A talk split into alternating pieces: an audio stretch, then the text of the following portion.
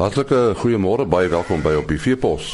Ons praat vanoggend met uh, Gilem de Tooi oor 'n uh, hamel boerdery. En dan praat uh, Dr. Dani Oudendal oor uh, siektes uh, van hierdie tyd van die jaar. Ons gesels met Gilem de Tooi, visievoorsitter van die NWKV, dis nou die nasionale NWKV en hy's 'n boer by Vryserburg. En ons praat vandag oor 'n uh, uh, onderwerp naamlik hamelboerdery. Nou Gilo, kom ons kom net by die definisies van verskillende goed hier. So as jy praat van skaapboerdery, dan is die normale stelsel om 'n ooi lam produksiestelsel te hê, is reg. En dan daarteenoor het jy nou ook 'n hamelboerdery. Verduidelik die twee net eers. Dis reg, jy kan in die eerste plek 'n ooi stelsel hê waarin jy net 'n ooi boerdery het in lammerspeen. Ehm um, jy kan 'n hamelboerdery op sy eie hê wat nie so winsgewend is nie. Die meeste van die tyd bring jy egter 'n hamelkomponent in jou ooi boerdery het uh, 'n faset wat jy risikoveld meer bestuur. Vir ons ander hamel is 'n gekastreerde ram. Dis reg.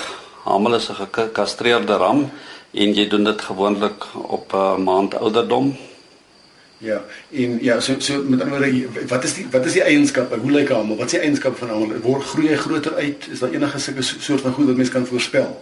Ja, uh, almal uh, moet mense so 'n ag neem is maar tipies dieselfde uh ek kan vir jou dieselfde wol en vleis gee so ooi, maar in ag geneem dat hy nou nie reproduseer met melk nie. Met ander woorde, al sy energie en groei gaan in sy wol en in sy vleis en so outomaties groei hy in vleiskarkas groter as die ooi en in wol groei het jy ook 'n beter wol groei en 'n beter massa op jou wol. Wanneer onder watter omstandighede sou iemand 'n uh, hamelkomponent oorweeg in sy boerdery?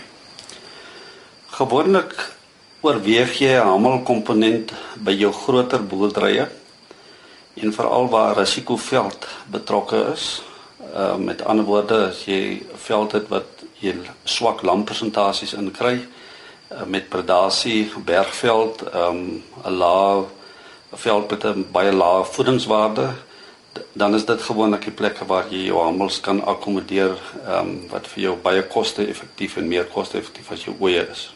Doodgewoon omdat een die die die ehm um, predatore sal die hamel nie so maklik teiken nie en twee die hamel het nie sulke intensiewe ehm um, uh uh voedsel nodig, voer nodig. Ja, uh in die eerste plek moet 'n mens jy kyk dat die hamel het nie 'n lam nie. So jou predatore konsentreer op jou lammers. Met ander woorde as jy hamelkomponente het wat wat groter uitgegroei is en hy sp jy speen nie lammers by hom nie. So jy maak nie lammers groot nie. Uh vat jy daai risiko weg. In die proses groei daai hamel groter. Ehm um, hy dra meer wol. So die hamel is nie kwesbaar vir predasie nie. En die ander groot faktor is dat hy met minder voeding kan klaarkom. Met ander woorde op jou swakker veld ehm um, produseer die hamel baie makliker uh met 'n baie laer voedingspil in swak veld. Syfers kan jy sommer so uit die kop uit syfers aanhaal van van uh, weet wat is die wat is die soort van produksie wat mens kan kry in terme van wol want dit is al wat die, die hamel vir jou gee. Uh wat is die soort van vag kry jy van hamel? Normaalweg kan 'n mens plus minus 10% bytel op jou wolgewig uh van 'n van 'n ooivag af. En dit kan ook swaarder gaan afhangende van die hoeveelheid kos wat jy tot die handel se beskikking het en normaalweg ook 'n langer lengte omdat die hamel nie die stres het van 'n lam groot maak nie, het hy meer egale groei en 'n vinniger groei. So waar jy in dieselfde hoeveelheid maande wol skeer, kry jy dan ook 'n langer lengte op daai wol ehm um, wat ook jou gewig kan opmaak. Wat ons gou deur die hele proses, die lam, die ramlam word gebore. Hy's 'n maand oud, hy word gekastreer. Hy's 3 maande oud, hy word gespeen en vark. Watter ouderdom dit sal seker afhang en dan hoe dan nou verder? Op watter stadium bemark jy hom dan? Goed, jy kry twee verskillende stelsels wat jy kan volg. Ehm um, wanneer jy die lam gespeen het hier op rondom 3-4 maande gewoonlik ehm um, dan kan jy hierdie lam as 'n hamel hamel hou dan bemark jy hom nie dan kan jy hom as 'n lam skeer groter maak en nog 'n keer as 'n jong skaap skeer en dan op 'n twee tand ouderdom wat hy ongeveer 12 14 maande oud is kan jy die hamel bemark en dan het jy een skeer wol bygekry meer as 'n lam en ehm um, jy het 'n meer groter gewig wat jy bemark alhoewel teen 'n bietjie laer prys as jy hom as 'n AB graad bemark. Andersins kan jy hom nog verder vat en jy vat die hamel deur en hy raak deel van jou ehm um, bestuurspraktyk. Dit is 'n komponent in jou boerdery. Jy skeer die hamel soos wat jou oeye geskeer word op 8 maande of op 10 maande en dan kan jy die hamel deurvat vir nog 'n ekstra 3 jaar of tot hy uh, 'n uh, B-graad is. Ehm um, en dan kan jy hom bemark as 'n as 'n C-graad of 'n of 'n B-graad. Rolweg, hoeveel baat jy by die ekstra skeersels teenoor wat jy verloor met die feit dat jy nou 'n C-graad bemark? Ongeveer. Ehm um, ja, dit is 'n moeilike som eintlik om te maak. Jy as jy die verhandel vir vir 3 jaar hou en jy kan hom elke 8 maande skeer, dan jy robweg 5 skeersels wat jy om van hom kan afskeer.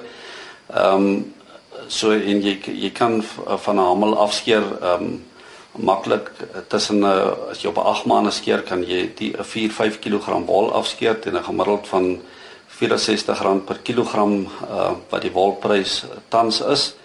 Uh, en as jy daai som maak dan kom jy uh, redelik ehm um, by 'n R300 rondom uh, per hamel uit en en dit is dan wat jy opmaak in jou wol. Maar wat 'n mens daarbey in gedagte moet hou dat dat hy ehm um, in hierdie tydperk het jy baie lae koste om hierdie hamel komponent in stand te hou. So mense moet nie net aan die een kant vaskyk teen die inkomste wat wat wat wat jy van 'n hamel kan kry nie. Die groot voordeel is dat jy ook ehm um, 'n lae koste diere om te onderhou as ook jy kan ongeveer 1 en 'n half hamel per ooi aanhou. So jy het meer diere ook wat jy kan nou in daai komponent.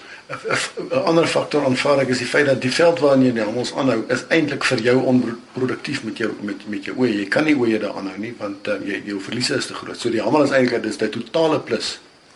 Ja, ek dink daar's 'n gelykbreekpunt ongeveer van as jy minder as 50% lammer speen, dan raak jou komponent 'n hamel komponent ehm um, iets waaraan jy kan aandag gee.